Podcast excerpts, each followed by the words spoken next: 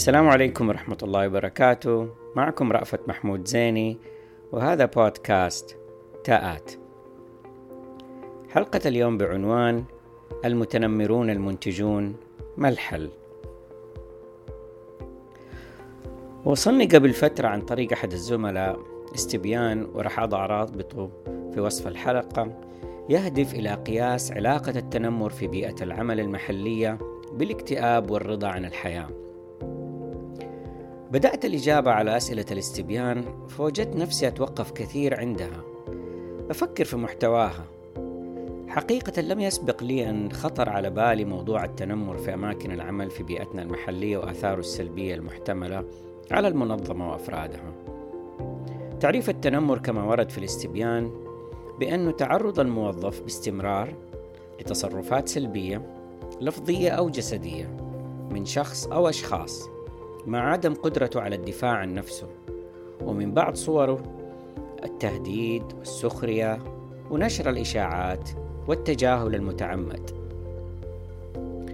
شعرت بغصة وألم وحيرة في نفس الوقت وخلاني هذا أتساءل هل هناك متنمرون في أماكن أعمالنا؟ وما هي سماتهم؟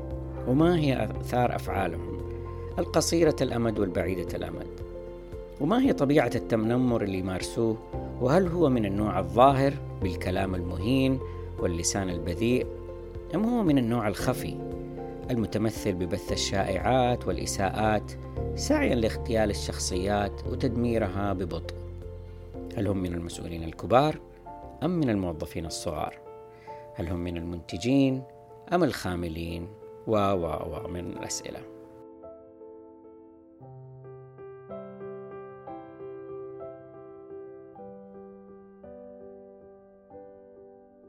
قعدت أفكر في موضوع المنتجين لأنه هناك تكمل المعضلة مع المتنمر المنتج أو السوبر ستار أحيانا منجز المهمات المستحيلة الجاهز لتنفيذ الطلبات العاجلة مهما كان الثمن واللي ممكن تكون له حظوة خاصة عند رؤسائه مما قد يجبر الآخرين على الصمت تجاه أفعاله وعلى تقبل شيوع ظلمه الظاهر والباطن.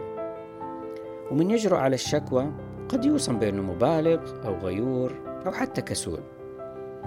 وإن ظهر أن المسؤولين على علم بسوء تعامله واستمروا في غض الطرف عنه خوفا من خسارته وتدهور الأداء جراء ذلك فإن مجرد التفكير في مواجهته أو حتى تغيير دوره قد يصبح مستحيل خوفا من ردة فعله.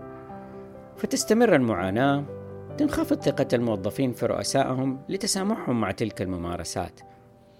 مما بالتالي قد يتسبب في تدهور أدائهم وأداء المنظمة عموما مما يزيد من التنمر عليهم لأنهم كسالى فتتفاقم المشكلة. وقد لا يدرك المسؤولون حجمها وأثرها في خضم انشغالهم بملاحقة الإنجازات إلا بعد فوات الأوان وتسمم الأجواء بالتنمر والمحسوبية والمنافع التبادلية.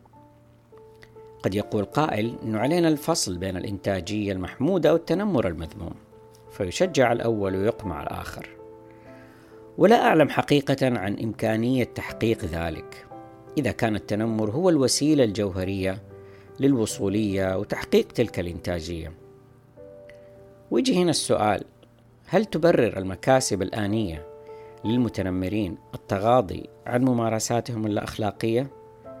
أحب أسمع منكم آراء حول هذه الإجابة. شكرا على حسن استماعكم وإلى اللقاء.